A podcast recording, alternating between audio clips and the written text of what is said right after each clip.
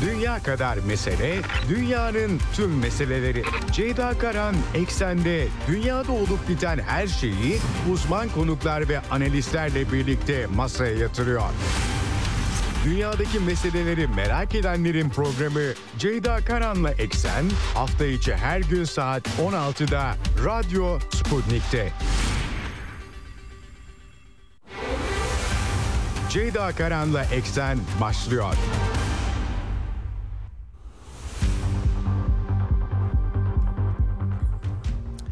Eksenden merhabalar efendim. Bugün 19 Ocak 2024 günlerden Cuma bir haftayı daha kapatıyoruz. Dünyadan haberlerle yine karşınızdayız. Yine kalabalık bir gündem var. Yine Orta Doğu'dan, Ukrayna sahasından, Donbas'tan haberler var. Size aktaracağım. İsrail-Filistin çatışmaları tüm hızıyla devam ediyor. Gazze'nin orta şerit e, kesimlerinde Han Yunus bölgesinde İsrail görüntüler yayınlıyor. Yayınladı camiler, üniversiteler, kamu tesisleri hiç hızını kesmiş gibi gözükmüyor. Diğer yandan Amerikan yönetiminin Netanyahu'nun yeni açıklamaları var. Amerikan yönetiminin Gazze'deki çatışma sonrası planlar büyük bir bölgesel anlaşma Arap müttefiklerini de devreye sokmaya çalıştığı anlaşılıyor. Amerikan dışişlerinin de yaptığı açıklama var. İsrail içerisindeki tartışmalar yine aynı şekilde sizlere aktarmaya çalışacağım. Bütün bunların bölgeye yansımaları Irak, Suriye aynı zamanda İran'ın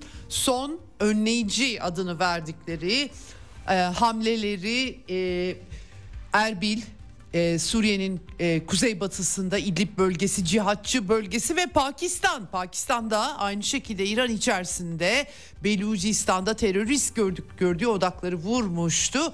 İki ülke şimdi biraz daha tabii birbirlerinin topraklarını hedef aldıktan sonra biraz kontrol dışı unsurlar tabii ki e, teskin olmaya çalışıyor bu süreç diyebiliriz. Yine Kızıldeniz'de Husiler yeniden bir Amerikan ticari gemisini vurdular. Bunu da açıklamış durumdalar. Evet bunun dışında tabii Amerikan e, Amerika'dan haberler var. E, e, Trump'ın e, başkan adayı olması için ön seçim süreçleri başladı. Ukrayna çatışması ile ilgili açıklamaları var dikkat çekici ve tabii Ukrayna sahasından notlar. Ee, özellikle de e, cephe hattında Ukrayna ordusunun zorlu durumu seferberlik eşliğinde artık paralı askerlerinde giderek daha görünür olduğu ara ara e, Rusya Federasyonu Ukrayna'ya akan ideolojik olarak banderacıları daha destekleyen paralı asker unsurlarını daha önce de vurmuştu. Bu sefer en son Fransız e, grubun bulunduğu 60 kişinin hayatını yitirdiği, öldürüldüğü e, ve imha edildiği açıklanmıştı. Tabii e, Fransız kamuoyunda bunun yankıları nasıl olacak bilmiyoruz ama Rusya'da yankılanmış durumda. Fransız Büyükelçi çağrıldı e, izahat istendi. E, Devlet Duması da konuyu konuşacak. Bir yandan da tabii Ukrayna'nın ekonomik sıkıntıları nasıl oluyor da paralı askerler finanse ediliyor? Kim finanse ediyor soruları var.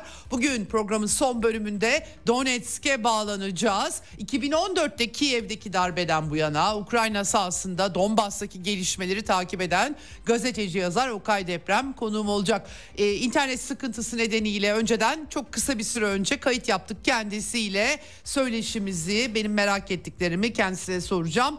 Anlatacak bize ama tabii bu paralı asker meselesi giderek seferberlik gerektiren insan kaynağı sıkıntısıyla birlikte daha da fazla gündeme gelecekmiş gibi gözüküyor. Macron da savaş ekonomisine geçtiklerini söylemişler. Fransız halkının bundan haberi var mı bilmiyorum ama böyle acayip bir durum var. Tabii NATO tatbikatı görülmemiş büyüklükteki bir NATO tatbikatı önümüzdeki hafta başlıyor. Mayıs ayına kadar devam edecek.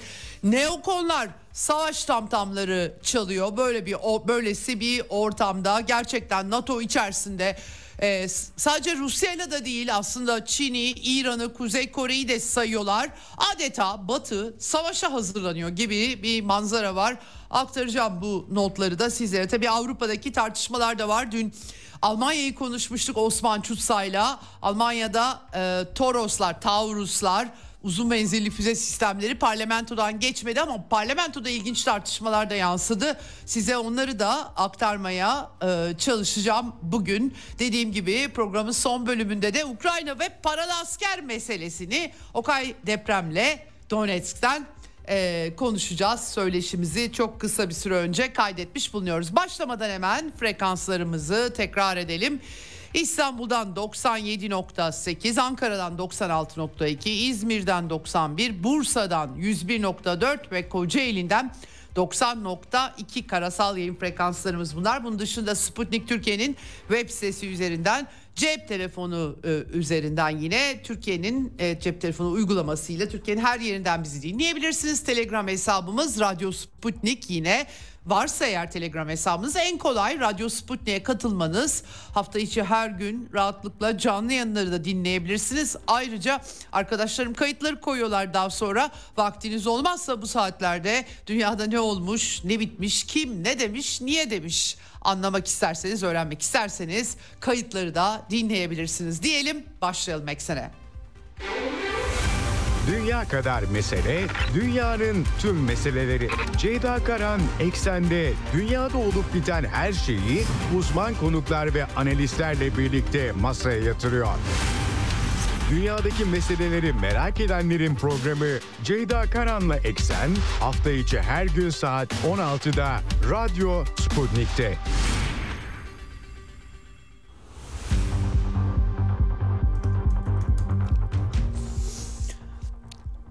Evet Gazze şeridinde İsrail'in kara operasyonlarıyla birlikte can kaybı sayısı giderek artıyor.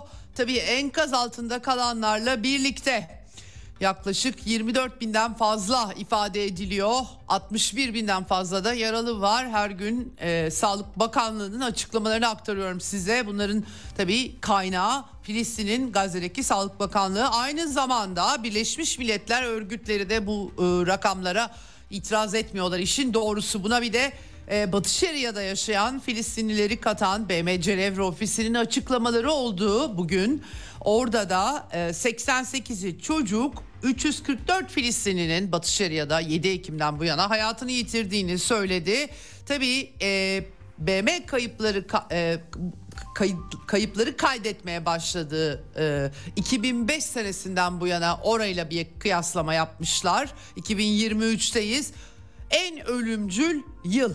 Hiçbir zaman bunlar dinmemiş olsa da tabii Hamas'ın başlattığı saldırıyla e, çatışmaların başlamasıyla birlikte işler daha vahim hale gelmiş durumda. Tabii bu arada e, haberler geliyor mezarların kazıldığı, cesetlerin çıkartıldığı yolunda İsrail ordusu doğrulamış bunu. Ee, yani kim tam olarak çıkartıyor anlayamadım ama sorular yöneltilmiş ve e, cesetlerin bulunabileceğini gösteren bilgiler hassas rehine operasyonları için bunların bir kısmının yapıldığı iddia ediliyor. Ee, daha sonra da saygı çerçevesinde e, toprağa verildiği ama kabristanların tahrip edilmesi tartışması başlamış durumda. Bunların örneği olarak Han Yunus'taki Nasır Hastanesi çevresindeki mezarlıkta veriliyor kabirlerin yıkıldı, yıkıldığı. Gerçekten bunun arkasındaki mantığı tam olarak ben anlayamıyorum tabii ki ama bu şekilde aktarıyorlar.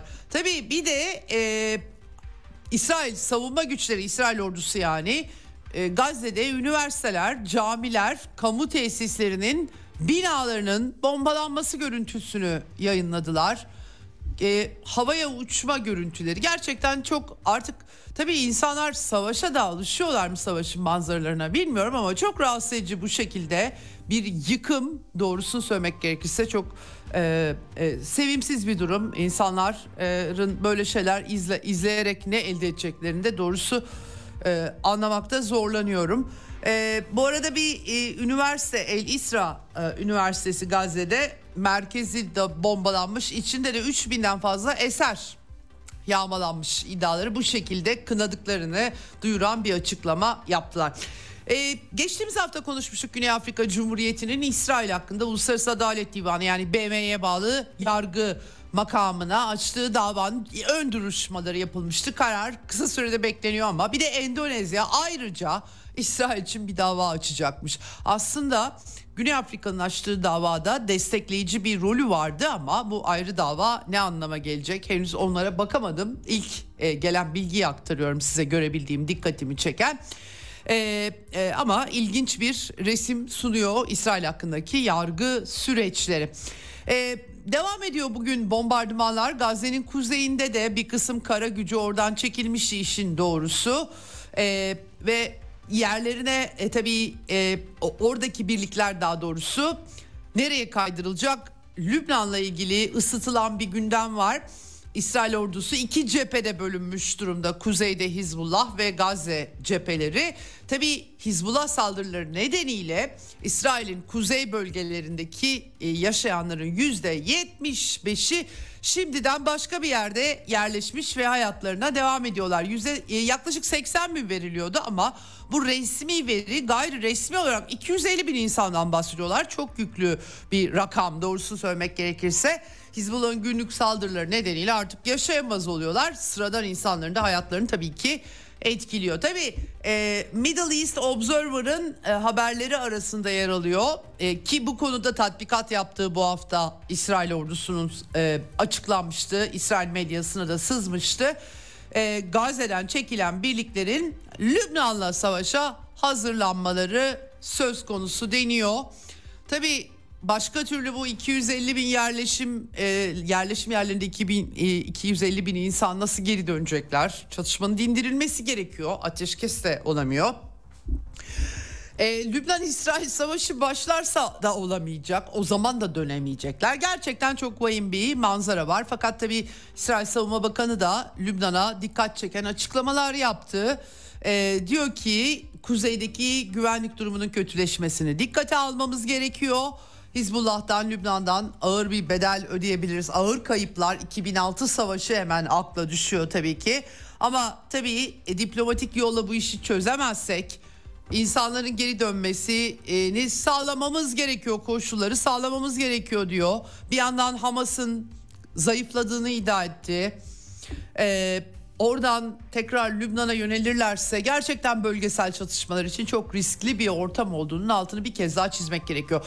Netanyahu'nun açıklamaları var efendim İsrail Başbakanı'nın o da e, açıkça Amerika'ya aslında mesaj verdi. Çatışma sonrası senaryoları ile ilgili bir Filistin devletinin kurulmasına karşı olduğunu tekrarladı. Israrla da inatla da bütün eleştirilere rağmen Netanyahu bunu dile getiriyor öngörülebilir bir gelecekte anlaşmalı ya da anlaşmasız herhangi bir düzenlemede İsrail'in Ürdün Nehri'nin batısındaki tüm topraklar üzerinde güvenlik kontrolüne sahip olması gerektiğini açıklığa kavuşturuyorum dedi. Bu gerekli bir şeydir e, vurgusu yaptı. Yani Gazze'nin kontrolünü kimseye devretme gibi bir niyetleri olmadığını dile getirdi.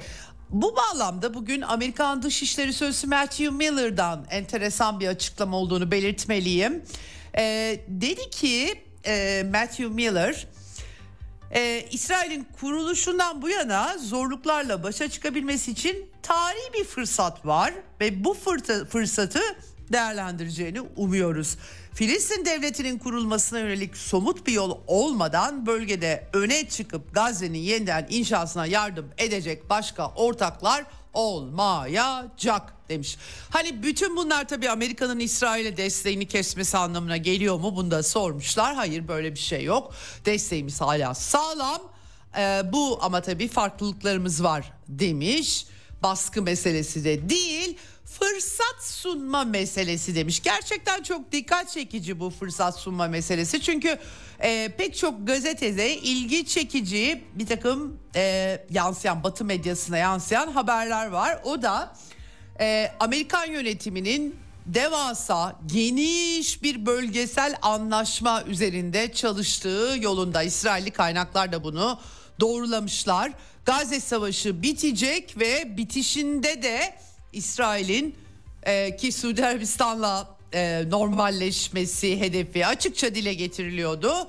E, komşularıyla normalleşmesi ama hangi sınırlar ve nasıl çünkü Suudi Arabistan en son Dışişleri Bakanı Bin Ferhan e, Davos'ta açıklama yapmıştı. Hazırız biz İsrail'le ilişki kurmaya demişti ama Filistinlilere de bir çözüm gerekiyor. De, iki devletli çözüm vurgusu yapmıştı.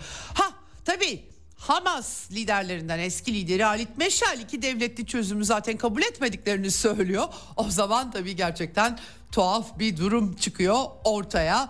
Ee, kim neye nasıl zorlanabilecek onu bilmiyoruz. Tabii İsrail Hamas karşısında zorlanıyor. Kendi içinde tartışmalar var. Savaş Bakan e, Savaş Kabinesi'nden Eisenkot örneğin e, rehinelerin bırakılmasını ancak ve ancak Hamas'la anlaşarak sağlayabiliriz vurgusu yaptı. Bu liderlikle nasıl devam edeceğiz dedi. Eski Başbakan Ehud Barak aynı şekilde çok geçmeden erken seçim lazım dedi. Hamas yenilmedi dedi. Başka bir liderliğe ihtiyaç var dedi. Ee, böyle böyle durumlar ve İsrail'de de tabii ki savaşın ekonomisi de tartışılıyor. Ee, silah siparişleri 5 milyar dolara aşmış çatışmanın başlarından bu yana e, büyük savunma şirketleri Rafael, Israel Aerospace Industry ve Elbit Sistem e, yani bazı başka müşterilerine sevkiyatları da ertelemek zorunda kalmışlar gelen haberlere göre. Ee, yine aynı şekilde Ekonomist dergisi Aralık ayında askeri harcamaları 4.4,5 milyar dolara ulaştı. Bu gayri safi yurt içi hasılanın yaklaşık yüzde biri az buz bir rakam değil doğrusunu söylemek gerekirse. Ee, böyle bir çerçeve var. Bakalım e, tabii Amerika'nın plan e, hazırladığı bu geniş devasa Orta Doğu planı nın kokusu yakında çıkacak mı? Tabii buna Netanyahu'yu ikna etmeleri gerekiyor. Çünkü Filistinlilere bir şey vermeleri gerekiyor. Filistinlilere hiçbir şey vermeden İsrail'in tamamen Gazze'de güvenlik kontrolünün elinde tutacağı bir çözüm de çıkmayacaktır. Ha tabii diyeceksiniz ki Hamas yok edilebilir. Askeri altyapısı tamamen Gazze düzlenebilir. Yaşam kalmaz. O başka bir seçenek ki sanki o oraya doğru gidiyormuş gibi bir manzara var maalesef böyle bir durum var. Şimdi İsrail Cumhurbaşkanı Isaac Herzog da bu arada Davos Ekonomi Forumu'nda konuşma yaptı. O da özellikle Suudi Arabistan'a vurgu yaptı. Ee, açıkçası dedi tüm normalleşme sürecinin bir parçası olarak Suudi seçeneği savaştan yeni bir ufka doğru çıkmanın anahtarıdır dedi.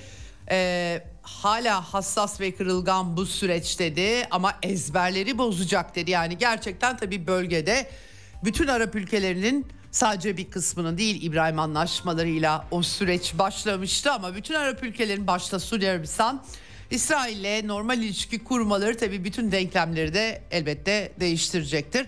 Herzog tabii tüm insanlık özgür dünya için savaş veriyoruz. İsrail olmasaydı Avrupa'da e, bunlar olurdu. Sonra Avrupa Birliği, e, Amerika Birleşik Devletleri'nde demiş. Anlayamadım tam olarak ne dediğini. Doğrusunu söylemek gerekirse e, siyasal İslamcılarla mı çarpıştıklarını söylüyor onu anlayamadım. Çünkü Suriye'ye karşı siyasal İslamcıları kullanan kendileri Amerika Birleşik Devletleri'nin malum yeşil kuşak yatırımı bütün bu belaları Orta Doğu'nun başına salan Amerika Birleşik Devletleri. Dolayısıyla Avrupalıları kimden koruyor sorusu benim kafamda bir soru işareti. Maalesef gazeteciler pek sormuyorlar. Siz kimleri desteklediniz şimdiye kadar diye.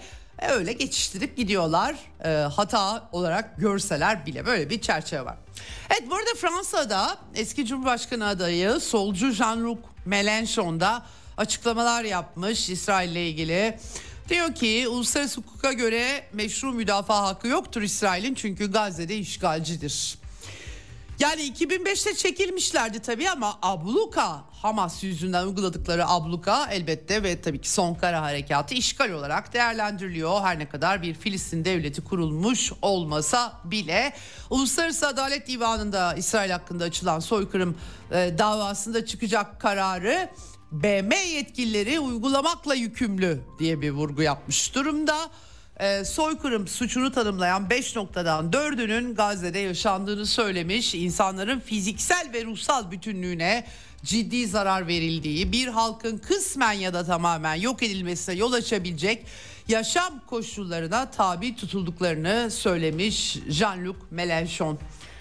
Evet yani e, hakikaten önemli vurgular yapmış e, Fransızların solcu lideri. Evet e, bu arada İsrailli futbolcu Başakşehir'de top oynayan e, ben çok futbolla ilgilenmiyorum ama Eden e, Karzev e, Karzev pardon e, Sosyal medya paylaşımı yapmış 14 Ocak'ta anladığım kadarıyla. Türkiye'nin hassasiyetlerine ters düşen paylaşım nedeniyle kulüp tarafından ceza almış ve ayrıca kariyerini e, başka yerde sürdüreceği sürdürmesi uygun görülmüştür demişim. Tabi İsrail vatandaşı olan birisinin görüşlerine herhalde biz karışacak değiliz. Beğenmeyebiliriz ama Yani ben açıkçası anlayamıyorum sporcuları, sanatçıları, kendi ülkelerinin yani bir e, Türkiye'den birine batıda Türkiye aleyhtarı açıklama e, e, yaptırmaya kalksalar herhalde e, isyan çıkar Türkiye'de. Dolayısıyla niçin bu işler sürekli sporcular yani doğrudan politik alanın içerisinde olmayan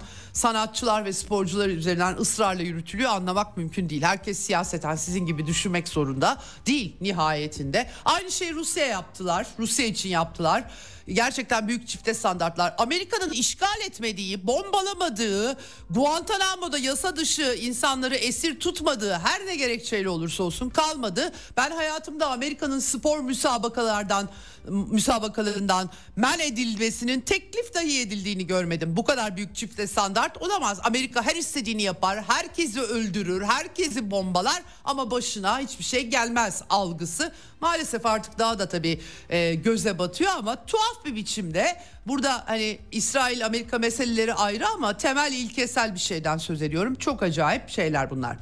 Evet şimdi İsrail Baş, e, Irak Başbakanı Es Sudani İran'ın e, tabii Su, e, Suriye'nin İdlib bölgesinde El Bağdadi'nin IŞİD liderliğinin de öldürüldüğü daha sonra yerine gelen de İdlib'de öldürülmüştü. Dolayısıyla orası Heyet Tahrir bölgesi olabilir ama IŞİD bölgesi diyebiliriz rahatlıkla liderlikler oradaydı. Orayı vurmuştu İran. Erbil'i vurmuştu. Mossad bağlantılı olduğunu bir, bir takım bir iş adamı da e, vurulmuştu ailesiyle birlikte. Hemen arkasından tabii e, Pakistan birazdan aktaracağım ama şimdi burada e, Irak'taki saldırılar devam ediyor ve Irak hükümeti de zorda kalmış durumda. Es-Sudani Davos'a gitti. E, bir yandan İran'ı bu Erbil'deki saldırılar nedeniyle kınadılar ama diğer yandan da parlamentoları Amerika çeksin gitsin kararı almış durumda. Kasım Süleymani suikastinden beri ama gidemiyor.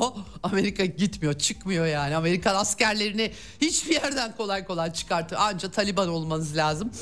Efendim e, Es-Sudani 7 Ekim'de yaşananların Filistinlilere baskının sonucu olduğu Amerika koalisyon güçlerinin Irak'tan çekilmesi gerektiği Gazze'deki soykırımın durdurulması gerektiği, İran'ın da IŞİD'e karşı mücadelede Irak'ı destekleyen bir komşu ülke olduğunu söylemiş. Tabi Irak iç siyasetinde Amerikan e, menşeili mezhepçi siyasetler öne çıkmış olabilir ama tabii ki Irak Başbakanı bunları da dile getirdi. Tabii e, Amerika sayesinde özerk bölge elde edebilmiş olan Irak Kürdistan bölgesel yönetimine gelince onlar biraz daha asabi tabii ki İran'a sinirliler haklı olarak. En son Erbil'de bir İHA düşürdükleri bilgisi geldi. Uluslararası havaalanı yakınlarında sanıyorum Amerika e, üssüne yönelik bir saldırı olmuş. Aynı zamanda Bağdat yakınlarında da bir Amerika'nın MQ-9 İHA'sının e, Muktadiye'de düşürüldüğü ya da düştüğü yolunda bir takım haberler var. Suriye'de de yine hem o üssü Amerika'nın Amerika'nın her yerde üssü var burada. SİHA'lı saldırıya uğramış durumda. Tabii e, ilginç bir başka not bu bağlamda İran ve Suriye arasındaki mutabakat. İsrail İran'ın askeri varlığını gerekçe göstererek habire sadece bu 7 Ekim'den bu yana değil daha önce de Suriye topraklarını vuruyordu. İşte iki ülke İran ve Suriye Şam ve Halep havaalanlarına sürekli İsrail'in yaptığı saldırıları önlemek için silah sevkiyatını durdurma konusunda iddiaya göre anlaşmış durumdalar. Ee, herhalde Suriye'nin de büyük bir talebi olsa gerek. Sarkis Kasarciyan'la bu konuyu konuşmuştuk ve Suriye'nin bu işlere bulaşmak istemediğini kendisi açıkça dile getirmişti yorumunda. Anlaşılan o ki İran'la da bu konuda bir mutabakat çıkmış durumda. Tabii Amerikan üslerine saldırılar çok. 140 saldırı diye açıkladı Pentagon sözcüsü 17 Ekim'den bu yana. Bunlardan 57'si e, Irak'ta, 83'ü Suriye'de e, dedi. İşin Kızıldeniz ayağı da var. Joe Biden e, Kızıldeniz'deki gemilere yönelik saldırıların devam etmesi halinde Husilere karşı onların da saldırıları sürdüreceklerini söyledi ama yani bilemiyorum Joe Biden böyle şey büyük kovboy bize yan mı baktınız vururuz sizi şeklinde e, bir tavır alıyor ama Amerikalı yetkililer açıkçası bu işlerin sonucunda Husiler ne kaybetti sorusuna dair çok somut şeyler söyleyemiyorlar. Yok dörtte biri silah mühimmatlarının gittiği diyorlar ama Ensarullah Hareketi yani Husiler de yılmıyorlar. E, bir Amerikan gemisi Ginko Picardi'yi e, hedef aldıklarını duyurmuşlardı en son. Amerika ve İngiltere yeniden yasa dışı bir biçimde Yemen'e bir saldırı daha kendi kendilerini görevlendiriyorlar. Buna da kurallara dayalı hangi kurallar diye fazla sormayacaksınız. Amerika'nın Anglo-Amerikan dünyanın kuralları e, kendi kendilerini görevlendirerek e, Yemen'i vurdular yine e, ama ne yaradı? Husiler diyor ki valla propagandadan ibaret bize uz gelir tırıs gider. Efendim e, Amerikan İngiliz saldırganlığı yeteneklerimizi etkilemiyor etkilemeyecek operasyonlarımıza Amerikan ve İngiliz gemilerinde dahil ediyoruz. Vurabilirler mi? Tabii askeri uzmanlar o kadar kolay olmadığını vurguluyorlar. Göreceğiz hep beraber. İlginç bir vurgu daha yapmış e, Abdülmelik El Husi. Eğer Amerikalılar 9000 kilometre öteden gelip de bölgemize buraya gelmek zorunda olduklarına inanıyorlarsa o zaman neden biz de Gazze'ye gitmeyelim demiş. Aslında çok manalı. Hakikaten 9000 kilometre yok. Yani mesafe. Çünkü Amerikalılar şöyle bir cümle de Amerika'dan yanılmıyorsam Beyaz Saray Sözcü Yardımcısı ya da Pentagon Sözcü Yardımcısı yani Gazze ile Kızıldeniz'in bir bağlantısı yok ki gibi bir açıklama yapmıştı. Sanıyorum buna e, yanıt vermiş. Evet yani askeri cephanenin dörtte biri yok edildi diye yazan bir batı medyası görüyoruz. Bunlar doğru mu derseniz vallahi bilmiyorum. Ukrayna savaşında o kadar geçen yaz hele Oo, ne biçim salladılar. Hepsi yalan dolan çıktı. Sonra da tam tersini yazmaya başladılar. Dolayısıyla batı medyasını okurken titiz ve dikkatli olmanızda fayda var. Yazdıkları yalan çıkıyor. Sonra 180 derece zıttını bir daha yazmak durumunda kalıyorlar. Onu da neyse ki yapıyorlar. Bir daha e, bu çatışmalar hızlanırsa onu da yapmayabilirler ve dünyadan tümüyle habersiz kalabilirsiniz. Gerçekten var böyle bir tehlike. Evet e, bu e, sözünü ettiğim geminin dışında öte yandan Jinko Picardi dışında Yemenliler Aden Körfezi'nde Chem Ranger diye bir başka Amerikan gemisini gemi savar füzelerle hedeflemişler. İsabet etti doğrudan vurdu diyorlar ama CENTCOM öyle bir bilgi vermiyor. Suya düştü gemi devam etti diyor. Hangisi doğru söylüyor vallahi bilmiyorum ama açıkçası Türkiye kamuoyunun aksine batıdan gelen haberlere maalesef deneyimlerim icabı daha temkinli bakıyorum çünkü yalan çıkıyor. o yüzden bilmiyorum e, ne olduğunu.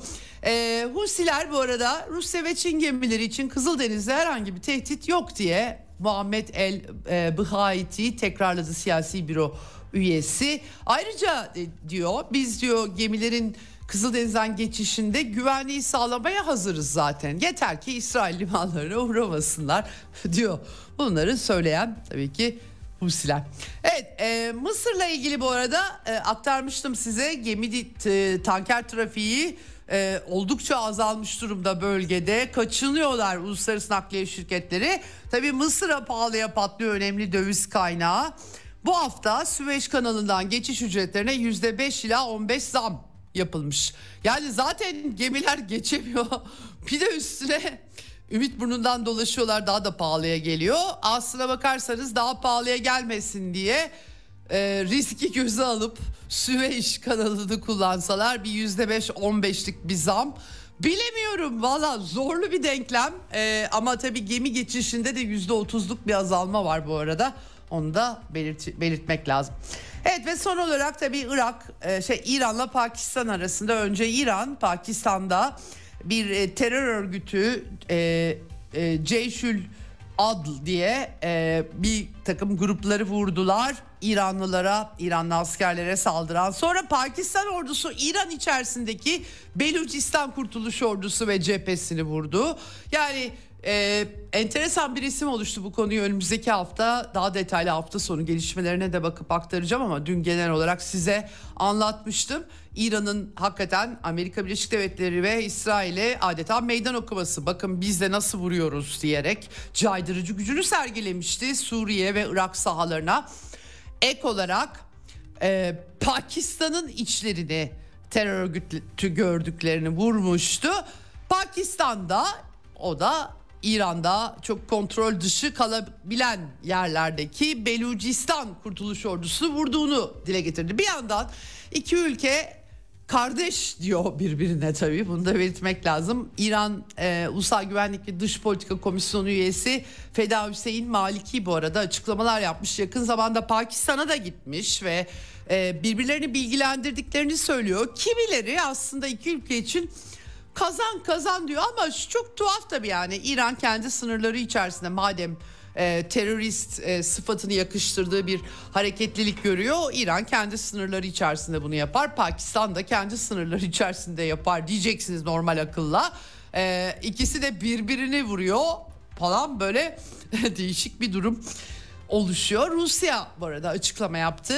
E, gelişmelerin tırmanmasını endişeyle izledikleri sorunların diplomatik yolla çözümü e, vurgulanmış durumda e, burada. Tabii e, özellikle de e, e, İran-Pakistan meselesi oldu mu Pakistan içerisinde Amerika Birleşik Devletleri ve Batı istihbaratının kullanımına açık unsurlar akla geliyor. Malum Amerika'nın yeşil kuşak hırsları, neokonlar hala iktidarda, ülkeleri mezhep ve etnisiteyle ulus devlet yapılarını parçalama hedefleri falan filan düşünüldüğü zaman Pakistan çok şahane bir zemin.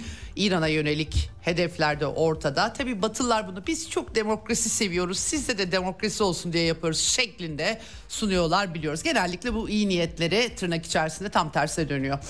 Evet şimdi e, bir de efendim NATO Genel Sekreteri eski Anders Fogh Rasmussen bir açıklama yapmış. Demiş ki yani sonuç Amerikan başkanlık yönetimi küresel çatışmaların bazılarından kısmen sorumlu.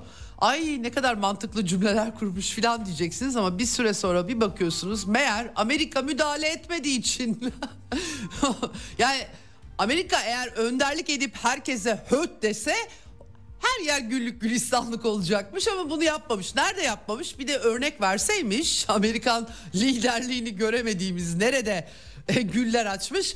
O da iyi olurdu. Yani tam tersinden söylemeye. Sorun Amerika'nın müdahale edebileceği her yere müdahale etmesi değil, yeterince etmemesiymiş. Çok ilginç gerçekten.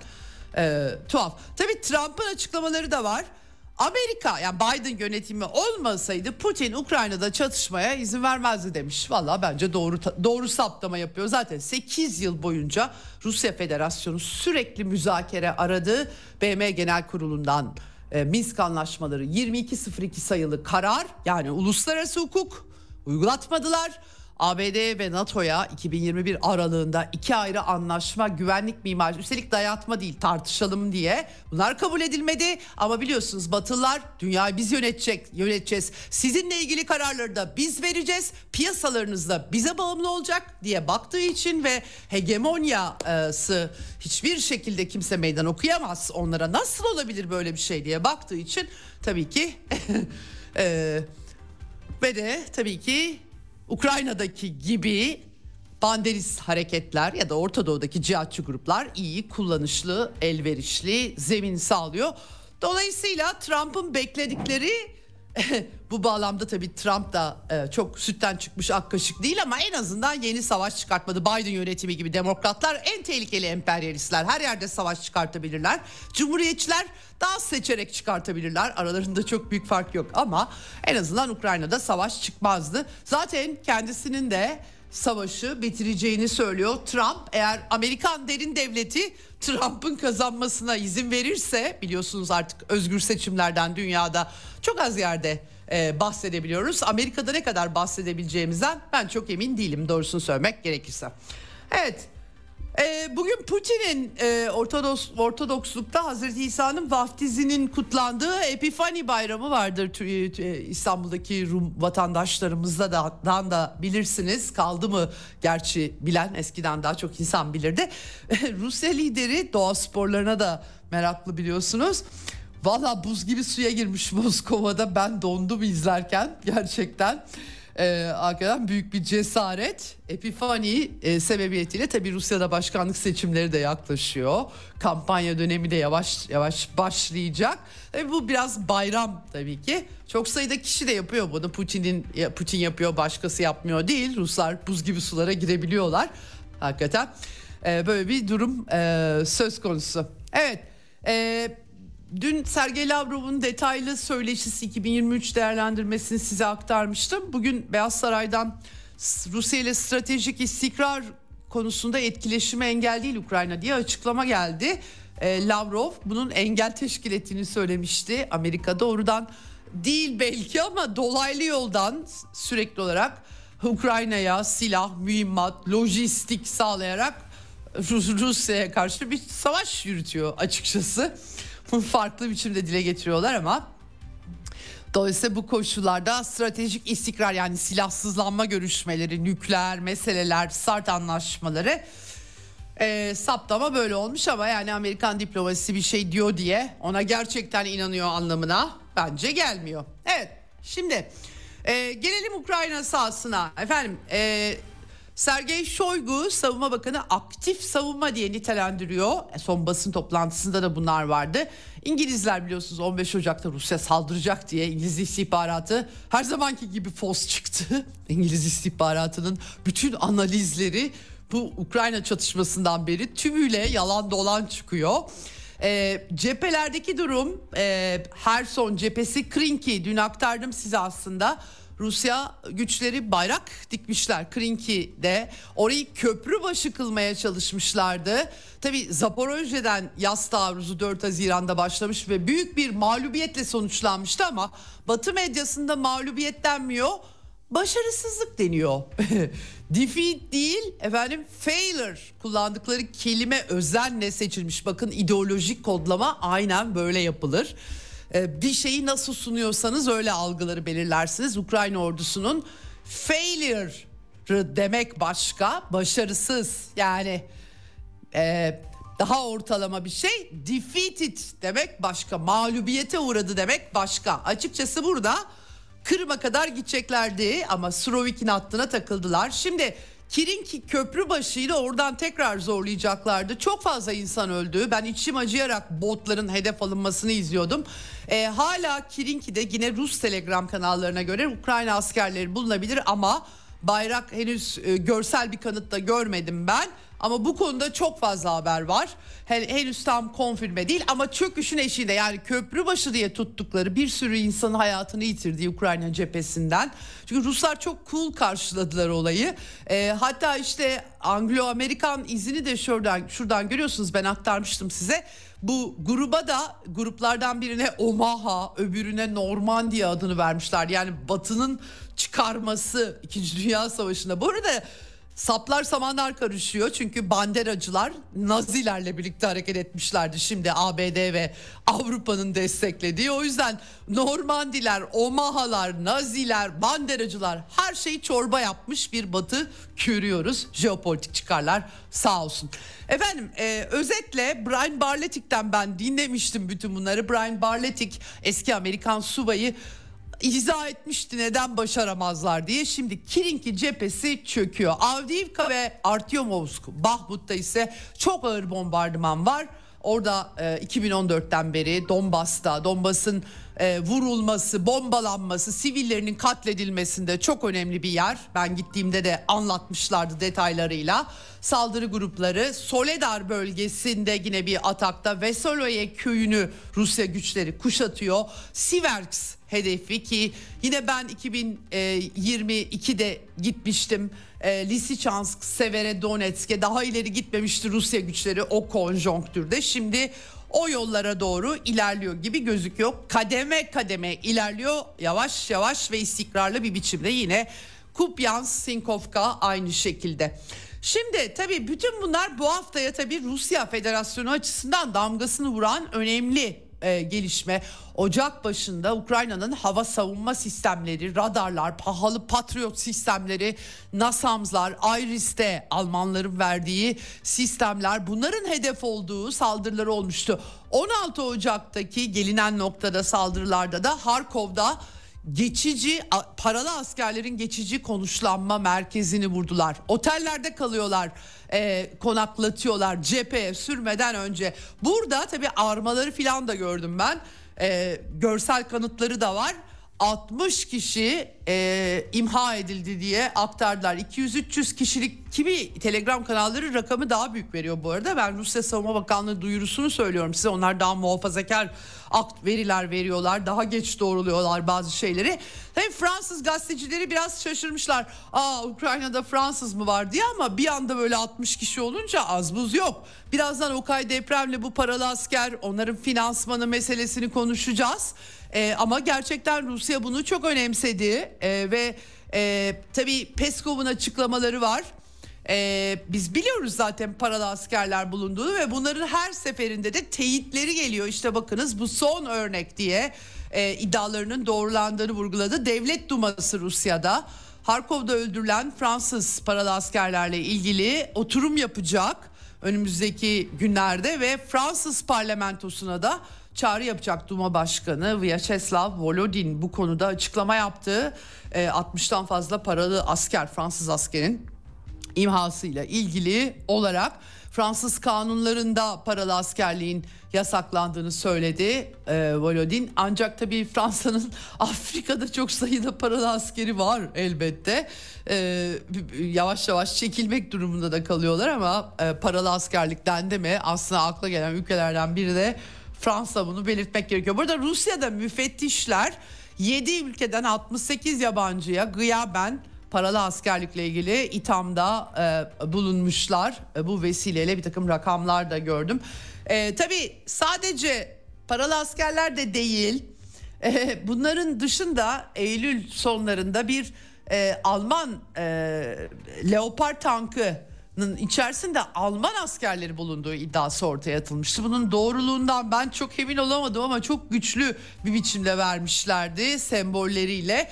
Yani bu durumda Tabii Ukrayna'da seferberlik ilan edildi. 500 bin insana gerek var deniyor. Asker yok. Acaba yerlerini paralı askerlerle mi doldurmaya çalışıyorlar diye insan şüphe doluyor. Ama tabii 500 bin kişi nerede? Ee, bu 6-7 bin e, yabancı asker nerede? Gerçi deneyim olarak baktığımız zaman kaç bin kişiye bedeller onu tam olarak bilemiyoruz. Bu arada tabii bu paralı askerlerin kaldığı otel vurulunca Harkov'daki Ukrayna istihbaratı yerlerini kim fısıldadı diye operasyon yapmaya başlamış anladığım kadarıyla. Ee, çok vardır tabii ki Harkov eski bir Rus kenti dolayısıyla e, mutlaka e, böyle bir şey olabilir. E, Nazi e, terörüne karşı tarihlerini de hatırlıyorlar oralarda. E, Harkov 1941-43'te yeraltı savaşlarının yapıldığı cesur ve yürekli insanların e, veya yürekli insanların yaşadığı bir yer. E, pek çok analiz var. Fransız ordusundan emekli subay François Maud Daimi e, örneğin demiş ki e, ya bunlar genellikle radikal milliyetçi çevrelerden geliyorlar demiş. Büyük yurtseverlik savaşındaki e, bedelleri ödetme yani Ruslara bedel ödetme Sovyetler Birliği'nin kazançları üzerinden. Açıkça çoğu Nazidir, Hitlercidir. Paris ve Lyon'da sahip oldukları eğitim salonlarından bunlar gönderilir. Sporla uğraşanlar palyaçolar demiş, uyuşturucu bağımlılarından oluşan bir ekip demiş. Dil, e, Fransızca bile bilmezler, entelektüel olarak hiçbir donanımları yoktur e, demişler. Demiş kendisi. Pek çok uzman var. E, hatta tanınmış Çinli askeri uzmanlar da Sputnik'e konuşmuşlar. İlginç açıklamalar yapmışlar onlar da. Biraz tabii e, Fransa'nın e, Macron tabii biliyorsunuz en son savaş ekonomisine geçtik dedi alenen. Bilmiyorum Fransızların haberi var mı bu durumdan ama e, Britanya'nın Kiev'deki banderacı yönetimle yaptığı 10 yıllık anlaşmanın benzerini Fransa'da yapacak hava e, sistemleri, roketler, mermiler sağlayacaklar. Aynı zamanda da paralı askerler tabii Okay depreme de aynı şekilde o paralı askerlerin suyu nereden geliyor? Kolay değil paralı askerleri ağırlamak. Onlara para vermek gerekiyor, donanım vermek gerekiyor. Ee, dolayısıyla gerçekten e, sıkıntılı bir resim. E, ama e, Ukrayna'nın bütçesinde para yok. O zaman kim karşılıyor bu paralı askerlerin paralarını soruları çıkıyor. Fransız Dışişleri e, Rusya Dışişleri Bakanlığı Fransız Büyükelçisini bu arada Pierre Levy'yi bakanlığa çağırmış ve e, Harkov'daki geçici konuşlanma noktasında imha edilmesiyle ilgili olarak e, sert bir tutum iletmiş. e, tabii e, burada başka yorumlarda da Macron'un dediğim gibi giderek sertleşen militarist dilinin Ukrayna sahasına yansımaları ile ilgili pek çok analiz ve tartışma e, yürütüldüğünü e, tekrarlayayım. Yabancı paralı askerler bir dönem e, çok konuşulmuştu özel harekatın başlarında ama sonra e, cephedeki vahim durumla birlikte bir kısmının terk ettiği Ukrayna'yı hatta terk edip gidenler kendi deneyimlerini aktaranlar olmuştu. E, ve bir kısmı da tekrardan sahaya mı sürülüyor diye insanın aklına düşüyor. Evet Fransa bu arada Amerika ile birlikte topçu koalisyonu, tank koalisyonundan sonra şimdi topçu koalisyonu, e, Rammstein temas grubu diye bilinen bu 50 ülkeyi biliyorsunuz 23 ülkeden oluşan bir grup kurmuşlar. Sezar topçu sistemleri üretecek. E, zaten savaş ekonomisi Macron artık Fransa militarist bir ülke haline gelmiş durumda. Doğrudan savaş ekonomisi diye anan bir cumhurbaşkanı var. E, bunları üretecekler. Savunma Bakanı Sebastien Lecornu da e, duyurmuş topçu koalisyonunu 72 topçu sistemi üretip verecekler.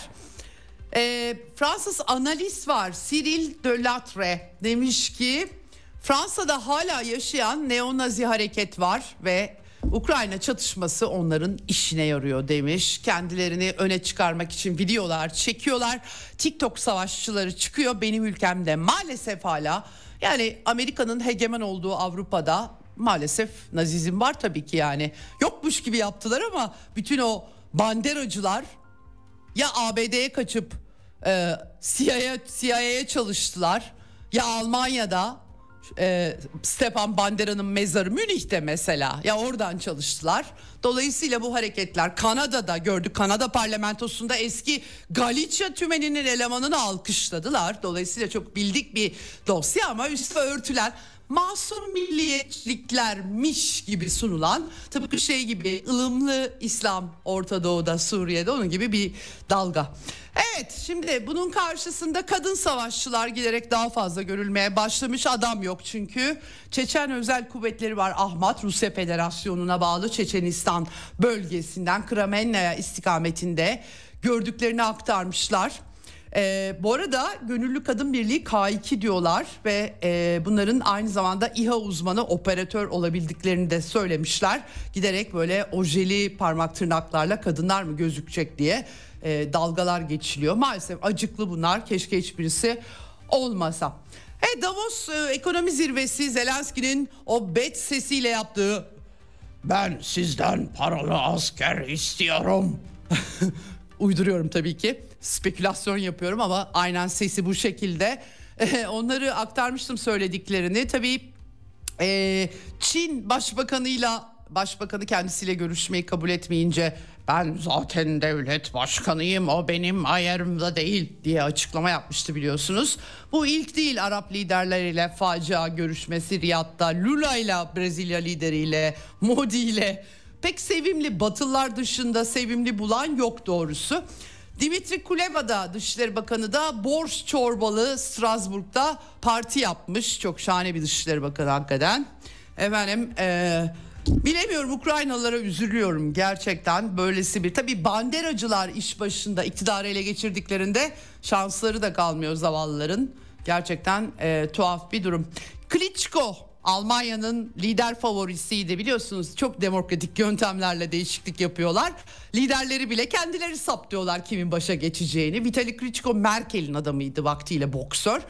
Bilde konuşmuş para ve silah istemiş zor durumdayız demiş özetle. E, Taurus füzeleri istemiş. Newsweek dergisi Batı ile yaptırım savaşını Rusya'nın nasıl kazandığı, nasıl mağlup ettiği aslında benim size aktardığım arada sırada Amerikan medyasında böyle şeyler çıkıyor ama bakın Ocak ayı ile birlikte 3 Ocak'la birlikte Amerikan medyasında arka arkaya neokon operasyonu başlattılar. Ee, Wall Street Journal, Foreign Policy, New Yorker, Foreign Affairs, Washington Post, Max Boot özellikle azılı neokon hepsi özetle şöyle yazılar yazlar. Evet olabilir taarruz başarısız olduğu Ukrayna'nın taarruzu ama silahlar yetersizdi. Daha iyi silah verelim. Verirsek kazanacaklar. Savaşı gazlamak, harlamak, temasıyla çok organize bir operasyon. Arka arkaya makalelerle e, bunlar böyle e, resmen siyasi karar aracılığı. Halkların falan dinledikleri yok. Ekonomik kayıplara baktıkları yok. Kendi kişisel şahsi hırsları ile yazdıkları makaleler. Çok sürpriz hakikaten. Hepsi aynı şeyi yazıyor. Silah verelim, eğitim verelim, finanse edelim, cepheye sürelim falan. Kaybediyor ama olsun gazlayalım. Her şey bu kadar bir de liberal ilan ediyorlar kendilerini. Aslında evet liberalizm böyle böyle işte dünya görüyor liberalizmin faşizme nasıl çıktığını canlı şekilde izliyoruz efendim. Evet ee, şimdi e, Amerika'da tabii e, Cumhuriyetçiler sınır korumayı öne çıkarmışlardı. Biden yönetimi seçime hazırlanacak sıkıntı da aktarmıştım size.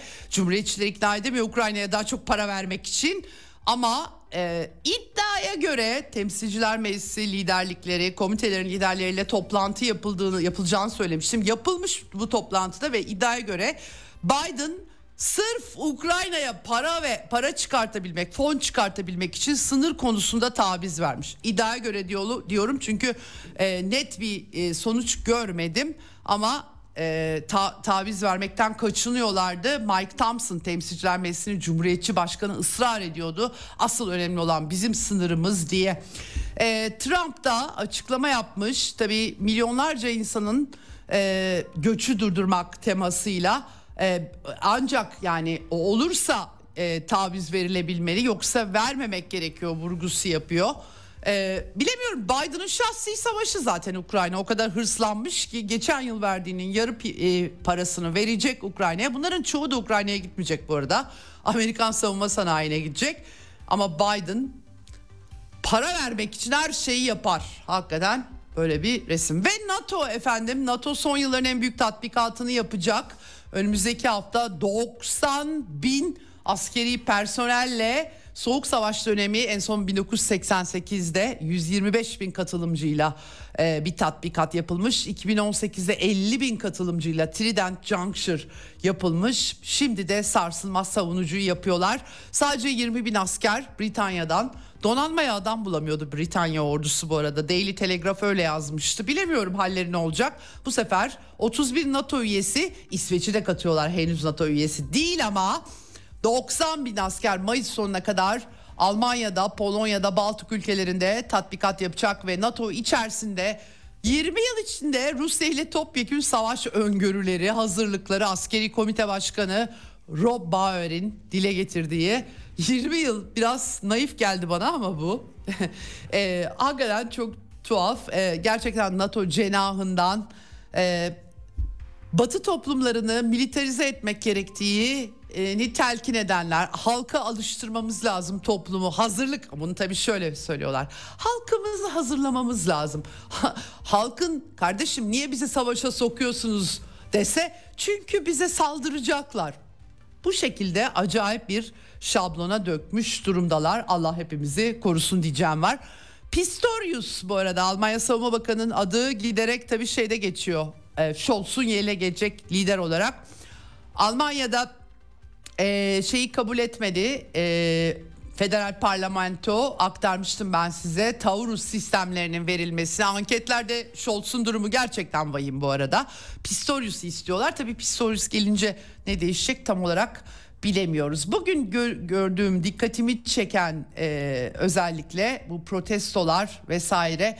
E, Sevim Dağdelen Federal Meclis Milletvekili Evet e, demiş ki Hristiyan demokratlar bu taarruzları verelim demişlerdi. Friedrich Merz'e hedef almış. Gerçekten aklınızı mı kaçırdınız? Bu silahları böyle ortaya atıp Rusya'ya vererek e, diye sorgulama yapmış Türk asıllı milletvekilleri. Bilemiyorum bu işler nereye gidecek ama gerçekten giderek militarize bir biçimde Avrupa'yı sürüklüyorlar. Şimdi çok kısa bir tanıtım arası Okay depremle çok kısa önce yine kayıt yaptık. Donetsk'e bağlanacağız. Bu şu Fransız özel paralı askerlerin meselesini kendisiyle e, konuşacağız. Kaydımızı e, dinleyebilirsiniz şimdi.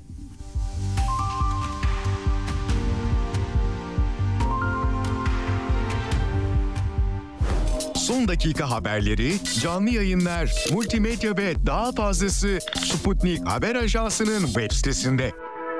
Dünyanın küçük bir parçasını değil, tamamını anlamak istiyorsanız sputniknews.com.tr'ye tıklayın, habersiz kalmayın.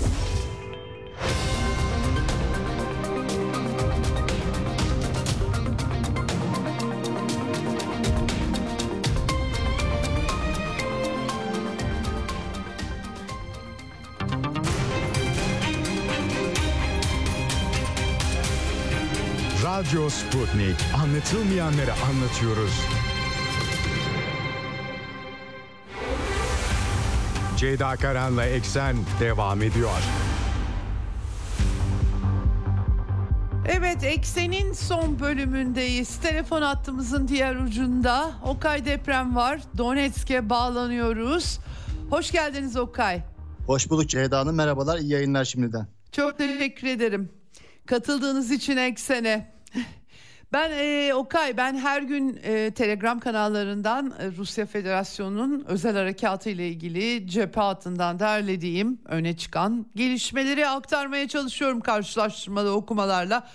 Tabii yeni yılla birlikte Rusya e, Federasyonu Savunma Bakanı Sergey Shoigu'nun aktif savunma diye nitelendirdiği e, Donbas cephesinde e, Rusya güçlerinin yavaş ama kademe kademe ilerledikleri bir görüntü var.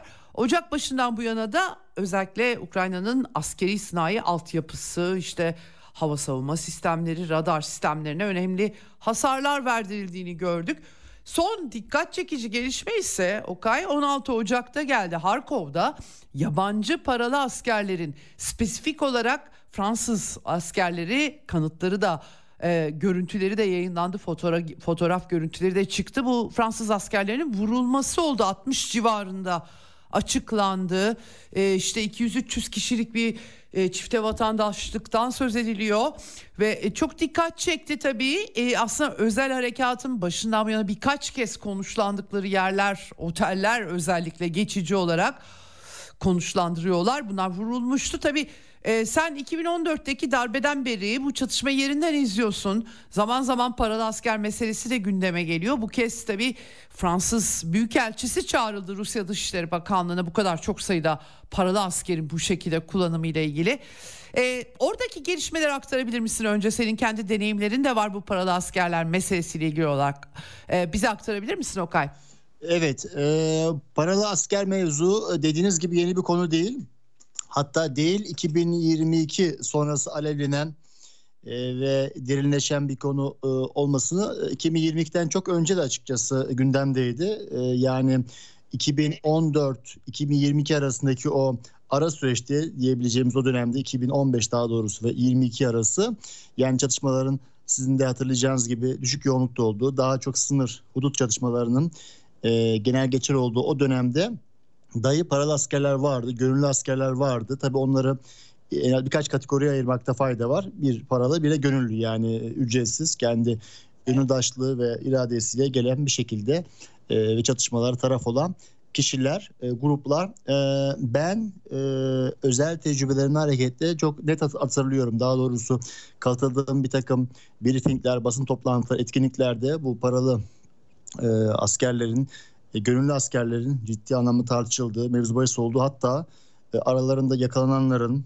e, teslim alınanların yani e, esir alınanların hatta ölü ele geçirilenlerin bilgilerinin, dokümanlarının, belgelerinin teşhir edildiği, sergilendiği, ifşa edildiği bir konuya dair dediğim gibi e, basın toplantı ve briefinglerin düzenlendiği e, zamanları hatırlıyorum en az birkaç defa. Ee, Okay bu sefer tabii toplu halde bu kadar paralı askerin bu şekilde geçici olarak konuşlandırılması dikkat çekici değil mi peki? Cephedeki gelişmeler tabii hızlanıyor. Ee, kimi paralı askerlerin hayal kırıklığıyla geri dönüşleri evet. olduğu söyleniyor. Ee, sondan o halde evet en sonki hadiseden yola çıkacak olursak en başta şunu söylemeliyiz. Şimdi birincisi e, Ukrayna ordusunun e, aktif e, rezervlerinin çok hızlı eridiği bilinen bir gerçekti. Hatta dünyanın da kabul ettiği pek çok batılı kaynaklarca tedilden e, tartışması bir gerçek.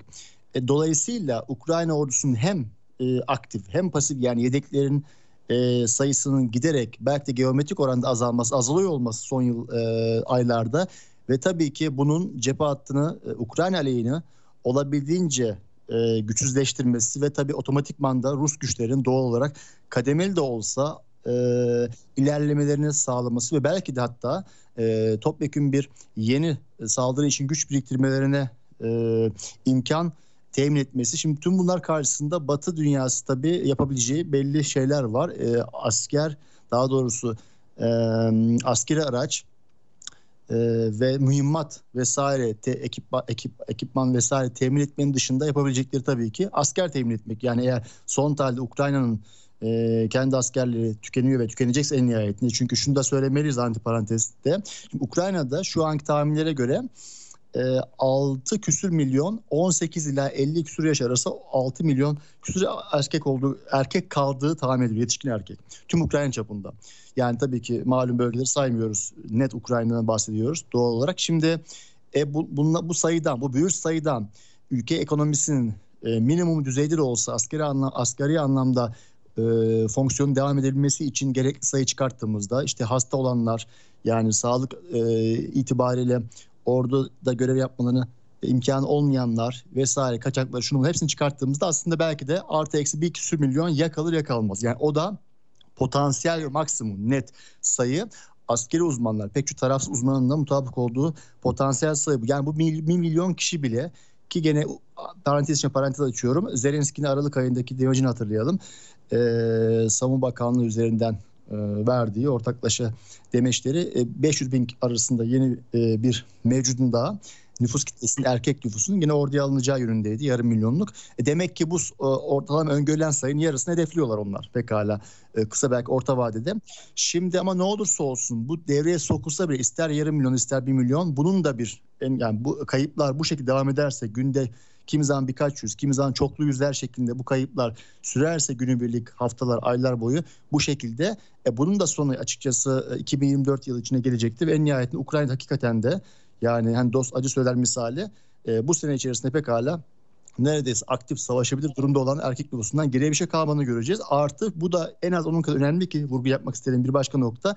Şimdi giderek cephe hattına Ukrayna tarafından e, çok daha az hazırlıklı yani adeta hazırlıksız e, doğru düz bir eğitimden geçirilmeksizin gönderilen e, kıtaları, birlikleri, grupları seyrediyoruz. Ondan önce 2022 kesin ama 2023'te bir kısmen az çok da olsa en azından birkaç aylık bir eğitim sürecinden e, sonra cepheye gönderilen birlikler hakimken ve tabii ki en başta daha militarize yıllarda savaşmakta olanlar bir tarafa zaten onların önemli kısmı zaten e, likvide oldular yani deaktivize oldular ya öldüler ya kaldılar ya işte sakat kaldılar vesaire o 2022 sürecinde. Dolayısıyla e, işin bir de bu, bu tarafı da çok önemli. Yani Ukrayna'nın şu anda aktif olsun, yedekler olsun e, tüm potansiyel anlamda asker e, mevcudiyetinin önemli kısmı eğitimsiz, tecrübeden yoksun ve çok ham kitlelerden e, e, teşkil ediyor. Şimdi tüm bunları niye söylüyoruz da bunların altını neden çiziyoruz toplamda?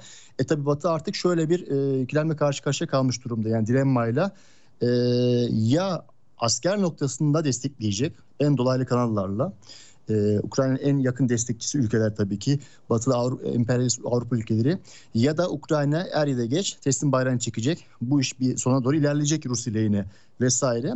Dolayısıyla bana kalırsa bu genel tablola bağlantılı son dönemde bu duyduğumuz e, ve çok ciddi sayıda askerin hedef alındığı işte gönüllünün paralı askerin daha doğrusu bu tür saldırılar.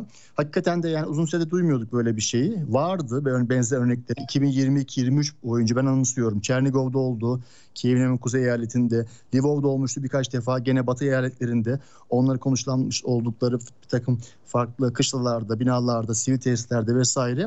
Ama uzun bir aradan sonra yeniden böyle bir şey çıktı. Yani dediğim gibi toplamda makro tabloya baktığımızda bir yere oturuyor bu. Fransa'nın olması da tesadüf değil. Sonuç itibariyle Fransa, Büyük Britanya, İngiltere'den sonra Avrupa'da e, kıta Avrupa'sında belki de e, Ukrayna'yı Kiev yönetimi en çok destekleyen ülke. E, Almanya birlikte tabii ki. E, Federal Almanya ile beraber e, verdikleri Sezarlar dahil işte uzun namlulu roket sistemlerinden işte ağır topçu sistemlerine bir takım zırhlı personel taşıyıcı diğer benzeri sistemlere kadar e, Fransa işin başından beri zaten Ukrayna yönetimini, Zelenski yönetimini aktif olarak destekliyordu askeri açıdan mühimmat ve e, askeri araçlar noktasında. Şimdi bunu bu tarafa kaydırıyor. Geçen hı hı. gün, e, önceki gün yani Rusya'da oldukça tanınır birkaç Fransız e, kökenli uzmana da uzman görüşüne de yer verildi bu açıdan. Bir tanesini yakından tanıyorum. Kristal bu arada. Uzman dediğim yani gazeteci diyelim. Bir, ikisi de aslında daha çok. E, Kristal eskiden beri burada yaşayan. Yani onun dediği şuydu. Araların Fransızların da olduğu.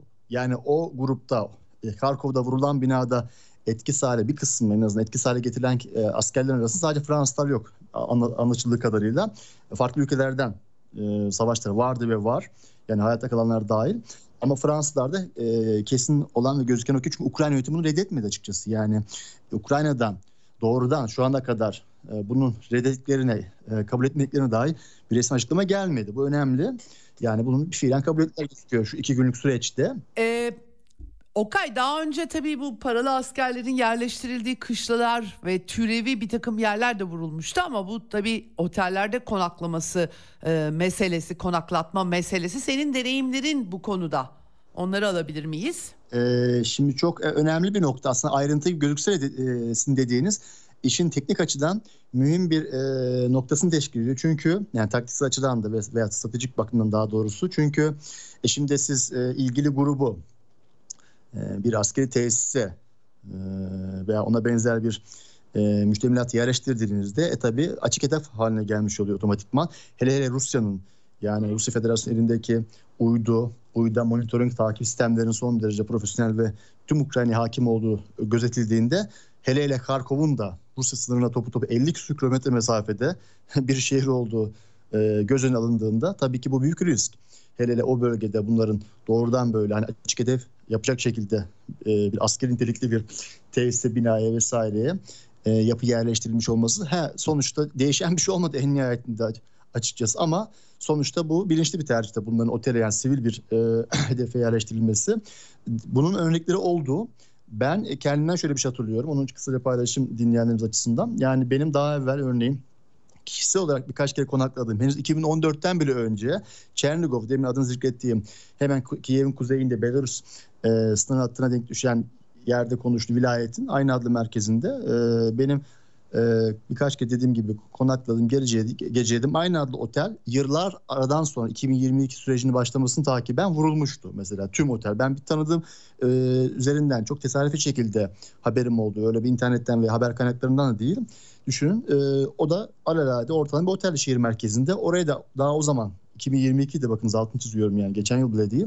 Sürecin henüz başlarıydı. Vurulmuştu. Tamamen etkisiz hale getirmişti yani. Kullanılmaz duruma gelmişti diğer bir ifadeyle ilgili bina.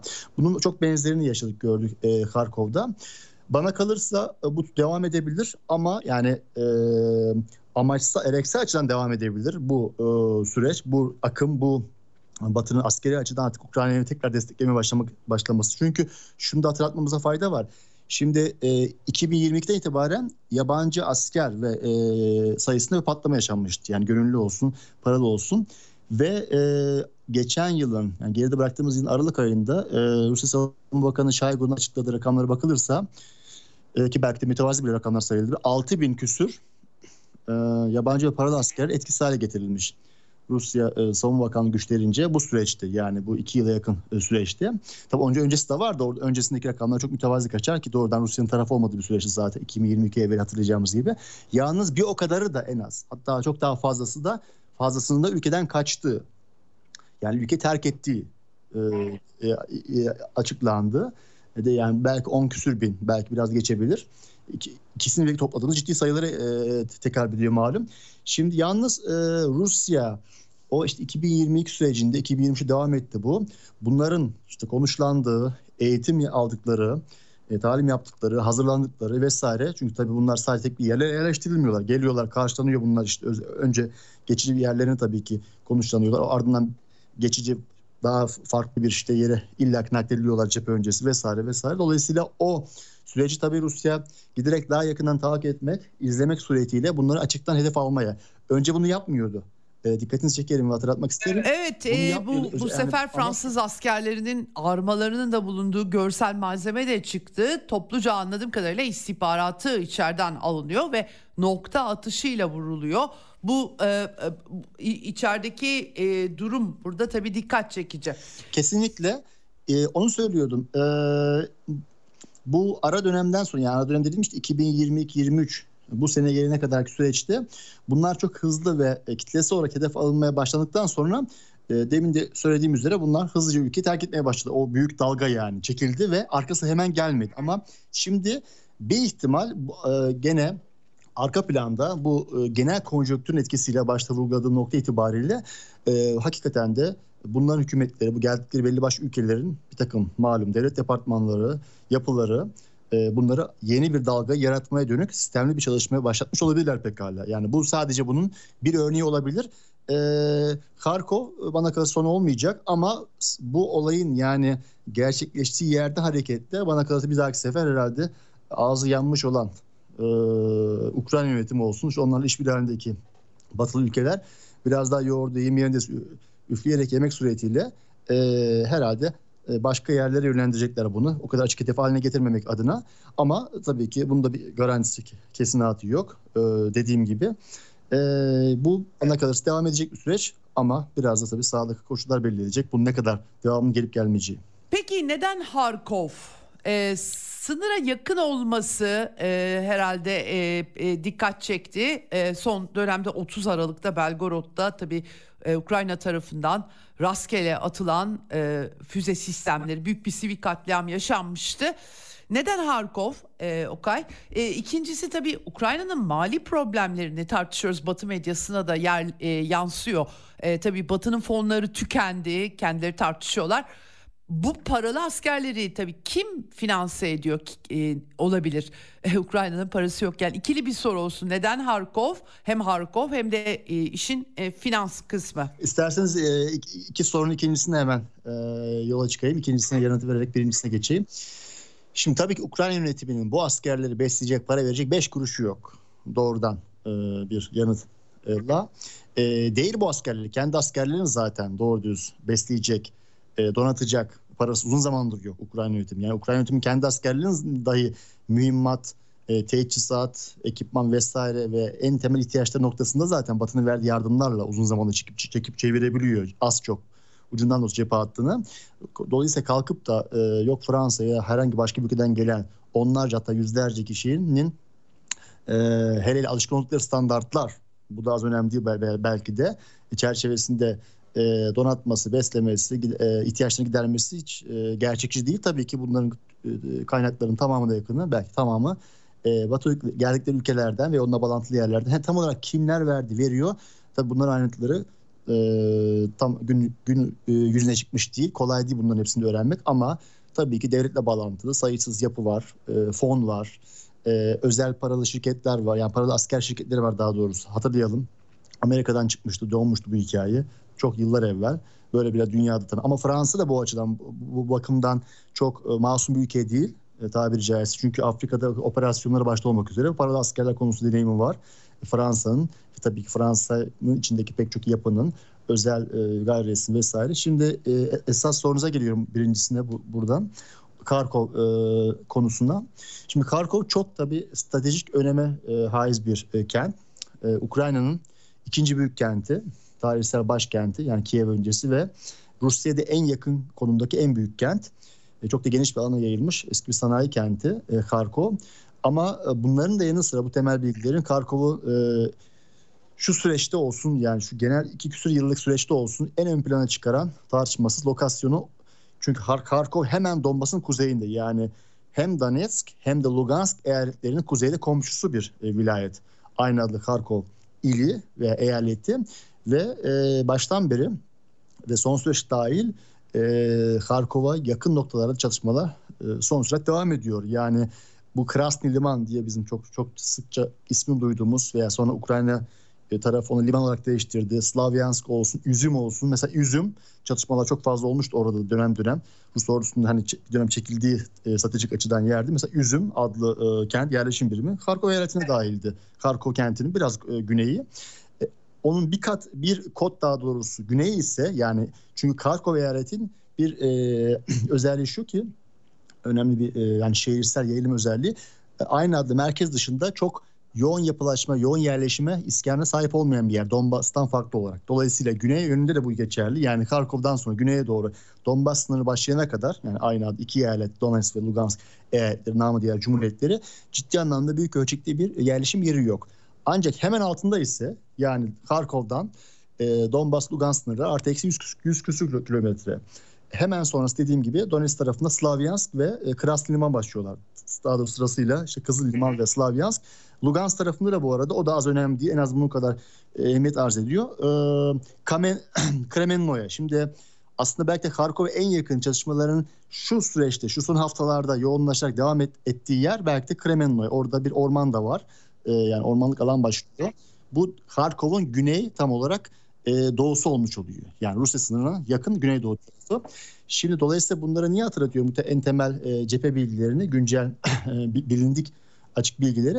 E, çünkü oradaki cephe hattı yani o e, bin küsur kilometre e, uzanan uzun cephe hattının bu ayağı çözüldüğünde Ukrayna aleyhine ve Ukrayna ordusu silahlı kuvvetleri aleyhine tabii ki e, ilgili kuvvetlerin yani Rus Silahlı Kuvvetleri'nin önü açılmış olacak. Baştan beri zaten öngörülen, e, düşünülen açık tablo bu. Karkov'a kadar. Yani Karkov'un düşmesi bir o kadar kolay olacak. Zaten anımsayalım 2022'de harekatın başlamasıyla özel askeri operasyon adı verilen harekatın e, Rus güçler Harkov'a zaten girmişlerdi. Yani Harkov'un e, şehir çeperine, bangöllerine vesaire. Sonra tabii farklı nedenlerle bağlantılı olarak çekilmişlerdi. Güney ve e, batı yönlü yani e, Rus tar- Rusya tarafına. E, başta da söylediğim gibi Kharkov aynı zamanda Rusya tarafına çok yakın bir yer. yer. Yani Rusya'ya dönük bir takım sabotaj, Rusya Federasyonu doğrudan içine dönük düzenlenecek, düzen, organize edilmek istenen sabotaj, istihbarat, e, terör eylemleri için de biçilmiş kaptan diyelim Kharkov ve çevresi. Sizin de dediğiniz gibi Belgorod eyaleti çünkü hemen e, sınırın diğer tarafındaki Rus vilayeti veya ili hemen onun kuzeyinde e, gene e, Kursk var.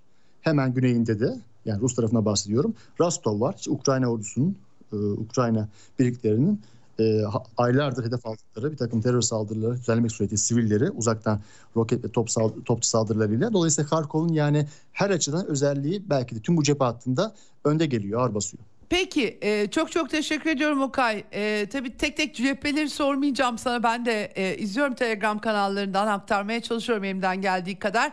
Ama tabii bu kadar çok paralı asker birden ortaya çıkınca hepimizin dikkatini çekti Ukrayna özel harekatında. Çok teşekkür ediyorum verdiğin bilgiler için. Rica ederim. Sağ olun. Ben teşekkür ederim. Hoşçakalın. İyi günler. Sağ olun. Evet, e, Donetsk'ten Okay depremle konuştuk. E, Harkov'da cephede beliren paralı askerler, Fransız askerlerini ele aldık. Kadınların bile cepheye sürüldüğü maalesef Ukrayna'da tabii barış ve müzakere işleyemiyor Ukrayna cephesinde ve kadınların bile cepheye sürüldüğü gelişmeler var. E, böylesi bir ortamda paralı askerleri tartışmaya çalıştık. Bu haftalık eksenden bu kadar. Pazartesi günü dünyadan haberlerle yeniden karşınızda olmak üzere e, iyi hafta sonları e, diliyoruz. Ceyda Karan'la Eksen sona erdi. Dünya kadar mesele, dünyanın tüm meseleleri. Ceyda Karan Eksen'de dünyada olup biten her şeyi uzman konuklar ve analistlerle birlikte masaya yatırıyor. Dünyadaki meseleleri merak edenlerin programı Ceyda Karan'la Eksen hafta içi her gün saat 16'da Radyo Sputnik'te.